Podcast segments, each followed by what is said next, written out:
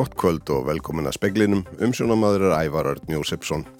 Líklegt er að áformum lokun sendir ás Íslands í Moskvu sé ástæða þess að ofinbær stjórnsísla hér á landi var skotmarkið í netarásum í dag.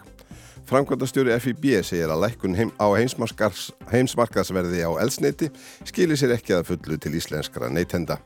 Fæðu öryggi er stemt í hættu og heimsmarkaðsverð á matvælum og eftir að hækka vegna stíplunar sem eðilaðist í Úkrænu í síðustu viku að mati sérfræðings saminuði þjóðana. Samfeld jarðganga gerðir fyrir hugðu næstu ára tugi gangi samgöngu áallun eftir. Tvenn eða jafnvel þrenn jarðgöng getur stundum verið grafin í einu. Smábátægendur eru ósáttir við nýjar lagabreitingar sem heimila stærri fiskiskipum að veiða nær landi en áður og formaður Dómarafélags Íslands telur líklegar en ekki að máli dómara gegn ríkinu verði áfríðað beint til hæstaréttar.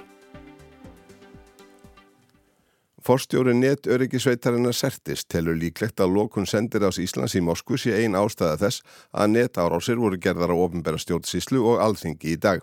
Hann segir árásirnar byrtingamind nýs veruleika. Ráðist var á mikilvæga íslenska innviði í morgun, þar á meðal alþingi, stjórnarráðið og neturíkisveitina Sertís. Þessar netárásir eru álags árásir sambarlegar þeim sem voru aðdragandar leitúafundar Evrópuráðsins í mæ en sannilega öflugri en þær og beindust helst að íslenskri stjórnsíslu. Guðmundur Arnar Sigmundsson er forstjóri neturíkisveitarina Sertís. Já, það má segja það. Það hafi verið svona munstri í þessu að, að stjórnsýslu vefir og vefir sem til er ofnbæri stjórnsýslu voru þeir sem að, e, voru hersta skotmarkið. Stjórnvöld tilgjöndu á förstu dagar starfsemi Íslenska sendirásins í Moskvu er því lögð niður 1. ágúst. Rúsneska sendiherranum var tilkynnt um leið að rússar ættu að draga úr starfsemi sendirásins og að Íslensk stjórnvöld vildu ekki rúsneskan sendiherra hér á landi. Getur verið að netárisinnar í dag tengist þessum yfirlýsingum? Það getur vel verið og hérna, við teljum það svo sem alveg eina skýringu, er, þó að það sé erfitt að sanna það í hverju einstakar tilfelli en þetta er kannski bara nýr veruleiki sem við eh, Íslandikar þurfum að fara að venjast. Íslensk stjórnvöld líta net árásetnar alvarlegum augum.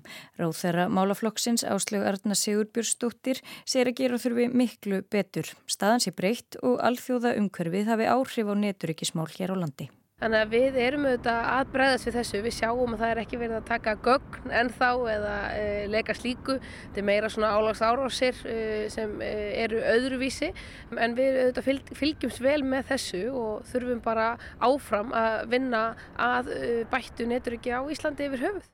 Sæði Áslögu Arna Sigurbjörnsdóttir, Solveig Klara Ragnarsdóttir tók saman. Utaríkis á þeirra Dana segir afar mikilvægt að loka ekki á samskipti við rússa þó stríðsregstur þeirra í Úkrænu sé óforsvaranlegur. Mikilvægt sé að Norrænu löndin standi saman og sendi sömu skilabóð til rússa. Utanríkisráð þeirra Norðurlandana komu saman til fundar á Ísafyrði í morgun. Stríðið í Úkrænu og samskipti við rússa voru í brenniteppli á fundinum. Sjónum var meðal annars beinta áhrifum að þá sem verða vest úti í stríðsátökunum. Lars Lökki Rasmussen, utreikisræður þeirra Danmörkur, segir Dani hafa komið á fót sjóði fyrir úkrænumenn og fyrir tveimur árum hafi þeir aukið útgjöld til hernamála um 20 miljardar danskar króna. Danmark har vi lavet en uh, Ukrainefond. Uh, for to uger siden øgede vi vores militære uh, bidrag med uh, godt 20 milliarder uh, danske kroner. Danir sé nú í öðru sæti yfir þjóðir sem veita mest fyrir í stuðning handa úkrænumönnum. Lokun sendir ás Íslands í Morsku var einnig rætt á fundinum. Rasmussen segir þó mikilvægt að loka ekki alveg á samskiptin. Það sé korkin Norðurlöndunum nýjar Úslandi í hag að slíta stjórnmálasambandi alfarið.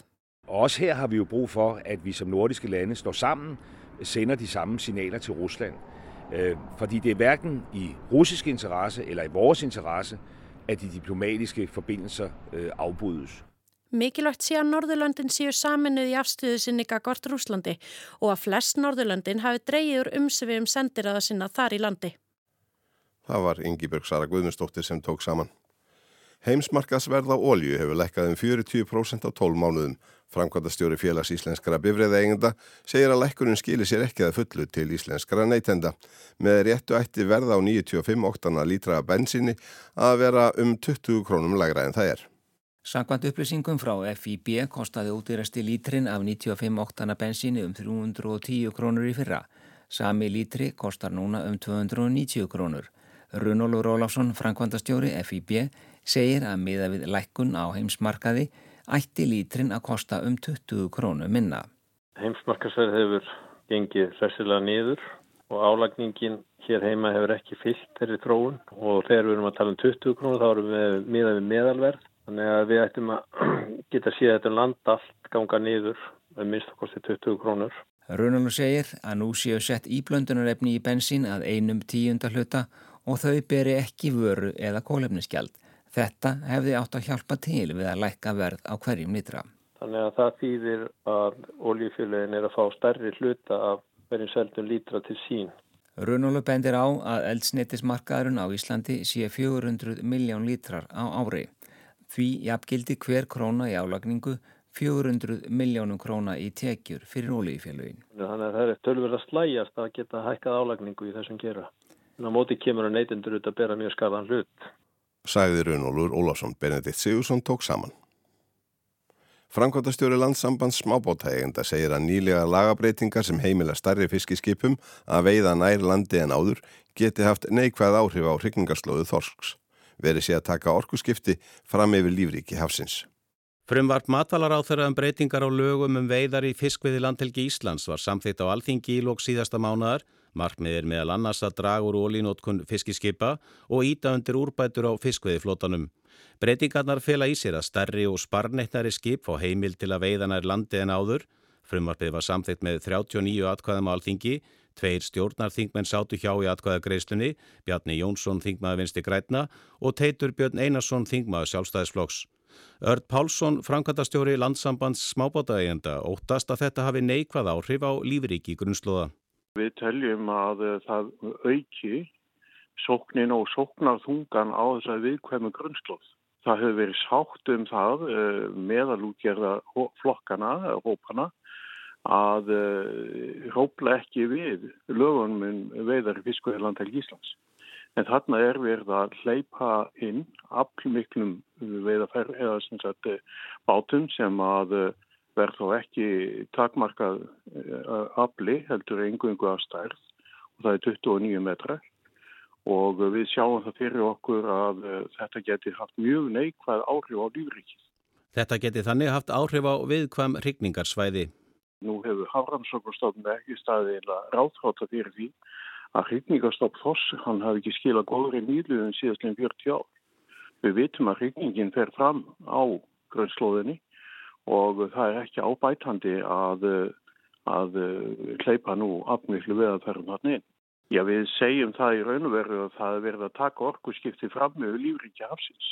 Sæði Ard Pálsson, höskuldur Kári Skram tók saman. Lagsveiði sumarið fer vel af stað en veiði er hafin í fjórum ám. Veiðileifi í bestu lagsveiði ánum eru uppselt. Jón Helgi Björnsson, formáða landsambands veiðifélaga, er sáttur við upphafsdagana. Já, þetta byrja bara mjög vel. Það er ekki að segja annað. Það er mjög góð veiði í Urðafossi og Norðurá og uh, svona virðist vera meira tveggjarlagseldur en við kannski vorum að búast við. Mm. Þannig að þetta lítur nú bara nokkuð vel út. Er þetta betri byrjun en, en með byggust við? Já, ég held að. Ég var ótt að segja það. Við kannski byggust helst við að er því svona góð veiði á norðausturlandi í Vopnafyrðinum og Þýstifyrðinum þannig að þetta er bara mjög ánægilegt að sjá þetta hvað það byrja vel hérna á vesturlandinu. Hvað er það sem að, sem að gerist? Nú heyrði ég á leigutakanum í, í norður á að já, þetta kemur honum á óvart. Ég held að þetta sé alltaf hafið sem hefur svona mikil áhrif þegar svona seiflutnar eru oft tengdar hafinu mm. og þannig það voru það bara einhver aðstæð sem þar sem valdaði að maður fær svona fleiri fiskar tilbaka heldur en maður var á kannski búast við. En uh, þau hefur gengið vel að selja veiðilefi? Já, það má segja það í rauninni að það hefur bara gengið ágætlega og mikil eftirspurn elendis frá og eða allt uppselt. Það er þannig, það verður ekkert meira í búði? Nei, það er ekki mikið í búði en eitthvað. Þarna þetta er Ágúst Ólásson við Jón Helga Björnsson meira um lagsviðisumarið í sjónvarsfréttum klukka 19. Markmiðið í nýri samgöngu áallun sem innviðar á þeirra kynnti í dag er að auka öryggi í samgöngum, steytta vegalengdir og tengja byggðir. Ný kvalfjörðagöng og göng undir Öksnadalsheiði auk átta annara jærgangna eru á áallun. Samgöngu áallunin gildir fyrir árin 2024 til 2038 og áætlaðir eru 900 miljardar í fjölmörgverkefni sem þar hafa verið sett á blað. Taka á upp varaflugvallargjald til að byggja upp innanlandsflugvalli, byggja á flugstöð á Reykjavíkuflugvalli, byggja upp flughlað og akbraut á Egilstaðavalli og ljúka við stækkun flugstöðvar á Akureyri. Útrýma á einbreyðum brúm á næstu 15 árum, þær eru nú um 80, fækka á vegamótum og aðskilja aksturstefnur á mest eknuleiðunum til og frá Reykjavík. Það þýðir að klára á tvöföldun Reykjanesbrautar og skilja í sundur aksturstefnur á Suðurlandsvegi og svo Vesturlandsvegi um Kjalarnes. Ímsar aðrar vegabætur er í bígerð, uppbygging vega víða um land og loks á að malbygga meira en 600 km af malarvegum. Tíu jarðgöngur er komin á kortið á samt fjórum jarðgagnakostum sem skoða á betur. Stemtir að því að grafa öll 14 göngin á næstu 30 árum. Það er rétt að nefna að núna eru tíu jarðgöngi í nótkun á Íslandi. Göngin tíun sem ætlunin er að grafa eru í þessari röð. Fjardarheiðagöng, Siglufjardarskarðsgöng, Kvalfjardagöng 2, göng milli Ólafsfjörðar og Dalvíkur, göng milli Ísafjörðar og Súðavíkur, breykun Breiðdalsleggjar í vestfjörðagöngunum svokölluðu, Seyðisfjörðar og Mjóagfjörðargöng, síðan göngum Mikladal og Hálfdán, svo Klettsháls og Loks Öksnadalsheiði. Hinn fjögur eða jærðgangna kostinir eru Reynisfjall, Lónsheiði, Hellisheiði Istri, Berufjörðagöngu og Breiðdalsheiðargöng. Ríki og sex sveitarfjölu á höfuborgarsvæðinu gerðu árið 2019 með sér samgöngu sáttmála og verið er að uppfæra hann. En í nýju samgöngu áallunni er fér til undirbúnings sundabrautar tryggt. Gert er ráð fyrir að framkvæmdir hefjist 2026 eftir þrjú ár og að sundabraut verði tekin í nótkun 2031. Hún verði blönduð enga á ríkisframkvæmt. Sunna Karen Sigurþórsdóttir frettamæður rætti við Sigurð Inga Jóhansson innviðar á þeirra eftir að hann kynnti á ætlunina. Samgöngur á þeirra sem hér stendur hefur gerna vilja hafa miklu meira fjármagn til framkvæmda en við erum að setja þetta þannig upp að þau verkefni sem að hafa til um þetta verið á, á vestfjörðum eða hérna, við aðskilja þessi axtustefnur eða tengivega átækið sem við ætlum að viðhalda að það heldur áfram að við erum með svona góð verkefni í gangi allstaðar Við erum líka auka fjármenni til viðhalds en það er alveg rétt við hefðum geta gert miklu meira því að verkefnin kosta orði líka meira í verðbólgu og, og auknum kostnaði þá, þá kostaði meira. Hvað er það svona helst sem þú sérð eftir? Ég hefði gerðan viljað hafa enn meiri fjármenni til þess að auka fjármenni til viðhalds, uh, vetrarþjónustunar sem að mikið ákallum og sem og kannski meiri kraft í almenningssamgöngunar en síðan eru þetta einstakar framkvæmdir sem ég hef gerðnan vilja sjá framar eða fyrr í, eða fleiri. En það eru bara svo margar, ég get ekki gert upp með þeirra. Þið talaðum um að fara í uppfærslu á samgöngusáttmála höfuborgarsvæðisins. Hvað þýðir það? Hvað er að detta það nút? Það er ekkit endilega detta út, það er bara verið að skoða í ljósi þess að nú eru við komin svolítið að stað. Verkefnin hafa hækkað umtalsvert. Sum verkin hafa líka bara gjör breyst frá fyrstu hugmyndum Þannig að það er verið að fara yfir það og svo hafa í samskiptum betri samgangna og sveitarfélagana komið fram kröfur sem voru ekki alveg skrifaðir inn í, sáttmálan. Þannig að það er verið að fara yfir alla svona, svona hluti og fínpjusa þá og geta þannig forgámsraðað upp og nýtt framkvæmda á töflónum og sett fram skýrari fjárhagsrama. Hvað með svo miklu brautarstokk, er hann enn á dagskrá? Já, öll þessi verkefni eru þá ræðilegandi enn á dagskrá og það getur vel verið að við þurfum líka að tegja tímalínuna Eh, vegna þess að þetta var mjög bratt, eh, bratt áallin að geta gert allt þetta á þá 15 árum 2019 en núna erum við komin til 23 og það er, hérna, getur bara verið eðlilegt að lengja í þeirri tímalinn. En jargöngin, þetta eru tíu ný jargöng á þessu tímabili, til dæmis kvölfaragöng 2 og göngundir auksnandalsheiði og fleira, hvernig verður þetta framkvæmt? Til dæmis bara ný kvölfaragöng, hvernig munir þau lítið út? Já, þau eru bara í undirbúningi og, og, og hönnun og hafa svo verið það og munum taka mið af þeim, þeirri, þeim breytingum sem hafa auðvitað orðið og, og hvaða möguleikar við höfum í jargangna gerð. En við erum auðvitað með þessu að segja að það verða að minnstakosti eini jargöng í gangi einu, jafnvel tvenn, jafnvel þrenn, sum þeirra verða greitt um, beint með eins og til dæmis kvalfæragöngin sem verða þá PPP-göng vantarlega, samkvæmt þessu saminu fyrirkomulegi það er hluti af þeirri vinnu sem við erum með í gangi En stóra myndin það er svo að við erum að sjá fyrir okkur að það séu 12 til 15 miljardar að störfum í jarðgöngum árlega á þessu tíðanbili. Og það er auðvitað mjög stór breyting frá því sem að verið hefur. Þetta er langt tíma beil og þetta eru mörg jarðgöng.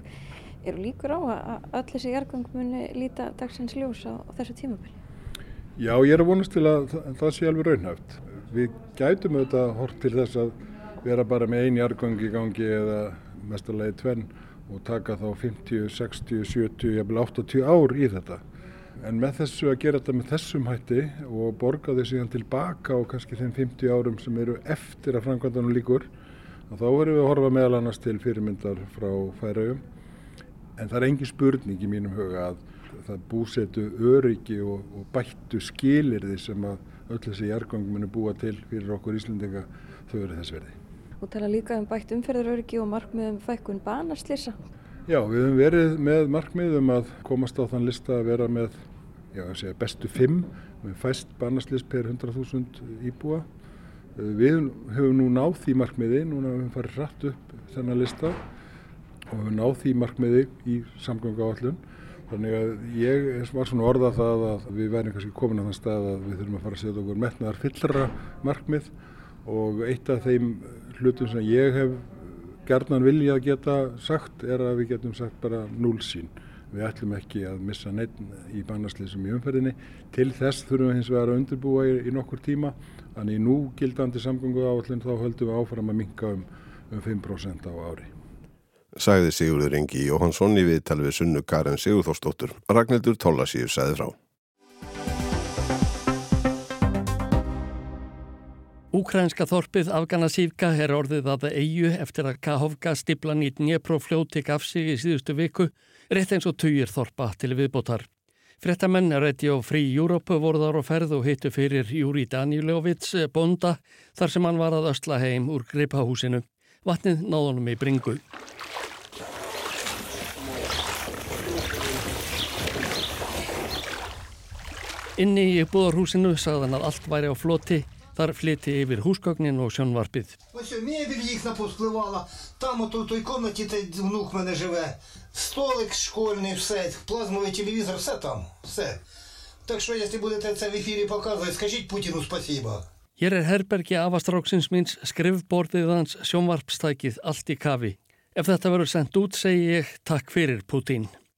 Júri Danílovits sagði að mikið af heginu sem hann átti í hlöðu hefði skólast á brott í vatsflömnum þegar stíplan brast. Ástandið væri sveipað hjá öðrum bændum í nágræninu. Hver á að borga okkur fyrir skadan spurðan? Helvitin í Kreml. Заради хазяйства. Заради хазяйства люди тут і держаться. Заради хазяйства. Це що я вам скажу. Якщо б, може, по так хазяйства не було, люди б могли б виїхати. І теж проблема куди? Куди? Fólkið er hér enn til að sinna búsmalanum, bætti Júri Danílovits við. Ef fólk hefði ekki skeppnurnar geti það farið en hvert. Saminuðu þjóðurna segja að ástandi sé grav alvarlegt eftir að stíplan brast og vatn flöyti í stríðum ströymum yfir Þorp og bæi við Nýprofljótið, alls um átján rúm kílometrar sem hafðu sapnast fyrir í uppistöðulóni ofan stíplunar. En líka ekki óíkjandi upplýsingar fyrir um ástæðu þess að hún gaf sig. Norskir jarðvísindamenn segja að svo virðist sem sprenging hefði orðið í stíplunni. Bandarískar gerfinnatamindir eru einnig taldar staðfesta það. Ukrænumenn og rússar kenna hvorir öðrum um að hafa sprengtana.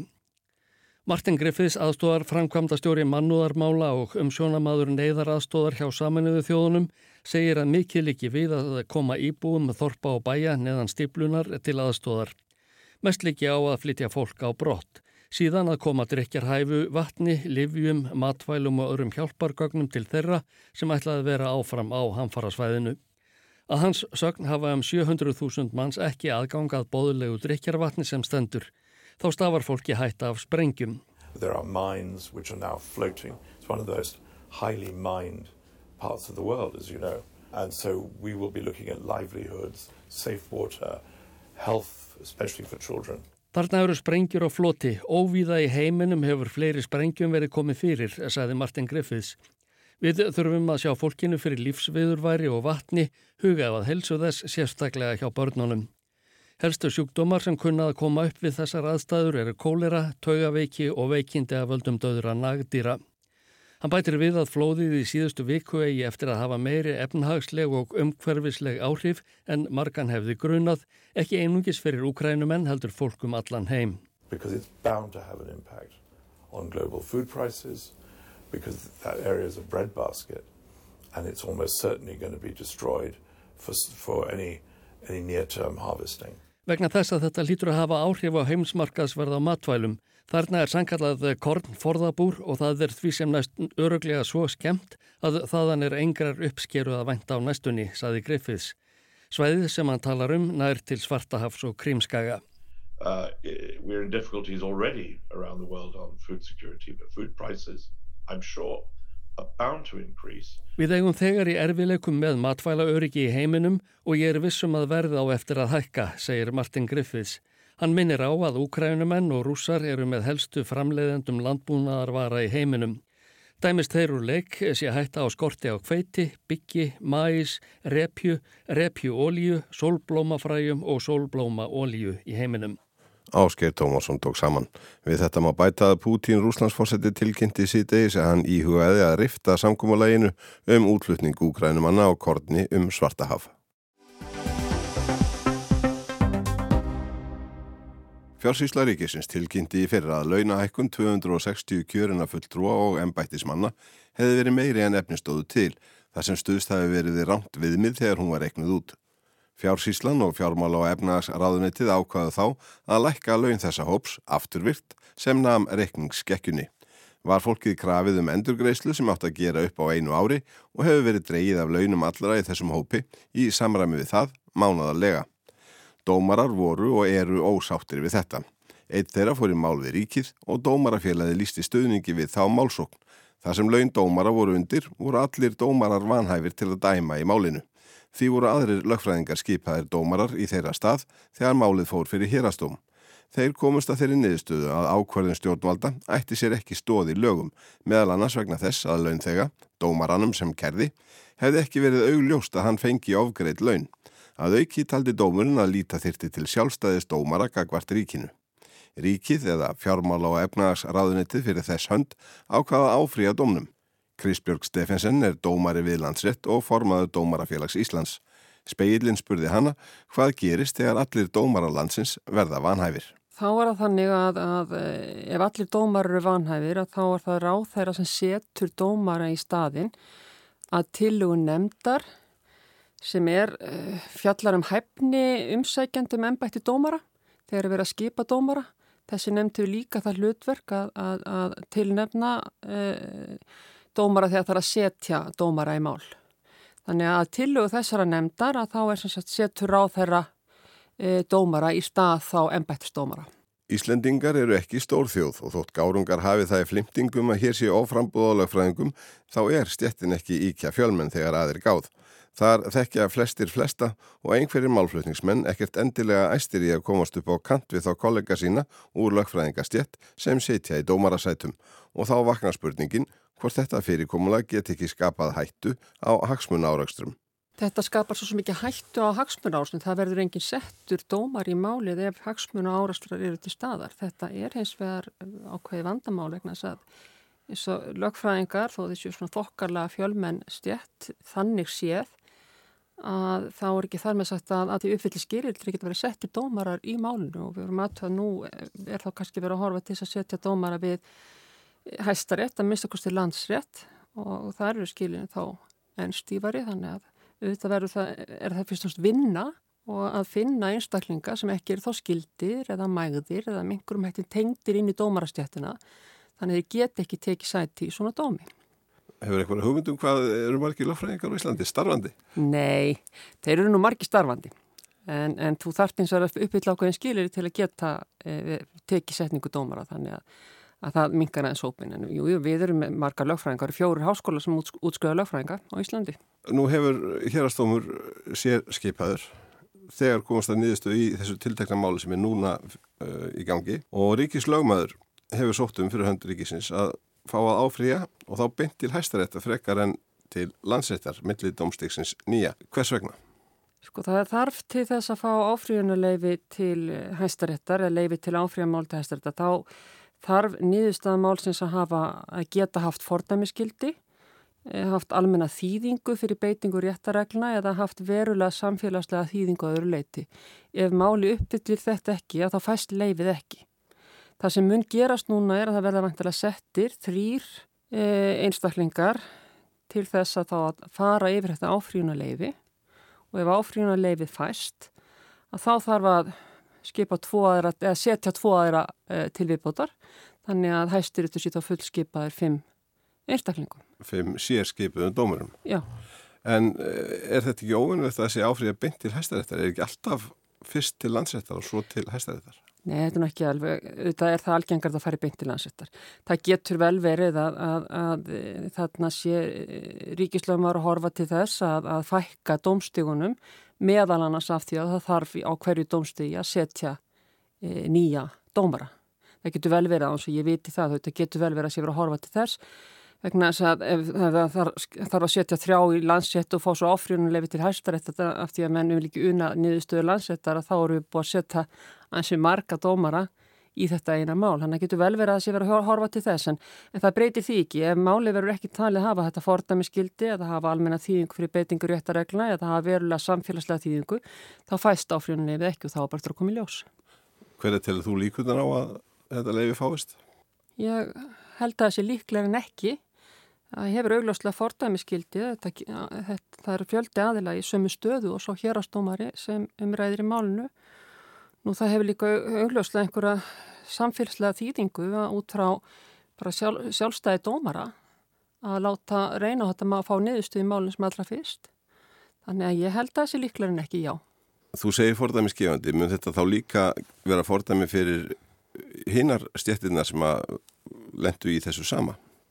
Það fer eftir hver en endanlega niðurstaða verður en eins og niðurstaðan er í, í, í, þessum nýgengna hérastómi að þá fellur málið fyrst og fremst á, á því að það gerir rétt staðið að ákverðunni og það á þá viðum aðra stjætti líka. Nú ert þú formaður dómarafélagsins og þú ert eh, dómar við landsrétt þegar horfir á þetta mál og þessi málaferli sem er í gangi. Er þetta óþægilegt? Er þetta tröflandi fyrir störf dómara? Fyrir réttarríkið Ísland að einhverju leiti? Auðvitað er þetta trublandi og auðvitað væri æskilegt að, að dómarar þyrtu ekki að fara í mál við einhverja aðra stóð ríkisvalsins, það væri auðvitað æskilegast. En þessi staða er uppi, í mál uppi hér og, og þá verður þetta svona og það eru þetta tiltæki og tól til, a, til að leysa það, einmitt með þessari setningu sérstaklega dómara, en, en sjálfsögðu vildu við komast hjá þessu. Þetta tiltegna mál snýst um kaup og kjör, þar að segja þessa afturvirkur lækkun og, og forsendur hennar. Hvað fleira gæti littir þessa dómarar, ímist sem stjett eða einstakki dómara með fulltingi dómarafélagsins eins og núna, færu í mál við ríkið? Ég á nú bátt með að sjá að það sé mikið annað heldur en ymmit kaup og kjör og svo er þetta þekkt að einstaklingar sem hafa þá ekki fengið skipun dómara þeir hafa þá farið í mál en það er, þá, þá hefur dómarafélagi engin afskipt af því. En þetta hlýtur verðinlega að vera þá kaup og kjör. Það hlýtur að vera fyrst og fremst það sem getur, getur orðið til þess að, að, að dómarafélagi hafa einhver afskipt af málunni, já. Veistu eitthvað hvernig þetta er í löndunum í kringum okkur? Ég hef nú enga beina þekkingu en, en þetta virðist eins og það er ganga til til að átaka lítið í allavega í nákvæmlega landunum. Þessi, það er fyrst og fremst þú verður að fara til Östur-Európu til að sjá að gangi eitthvað mikið á í samskiptum þessar að tryggja stóða ríkisvaldsins. Þetta virðist nú að svolítið einstami hér á Íslandi að það skuli ganga erfið, erfiðlega að skipa dómara eða, eða, eða ákveða dómur um kaup og kjör.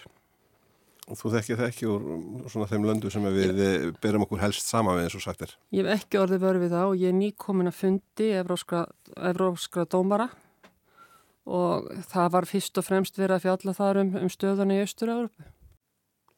Sæði Krisbjörg Steffensen. Veður horfur á landinu næsta sólarhengin, suðvæslega á 3-10 metrar á sekundu í kvöld og nótt bjart með köplum vestarlands en annars léttskíjað. Austlegar á morgun og þyknar upp um landið sunnan og vestanvert með lítið sáttar vætu. Híti verður 10-23 stíga deginum og það verður hlýjast eistra. Fleira er ekki í speklinum í kvöld. Tæknum aður var Kormakur Marðarsson. Margret Júlia Ingimarsdóttir stjórnaði frétta útsendingu. Veriði sæl.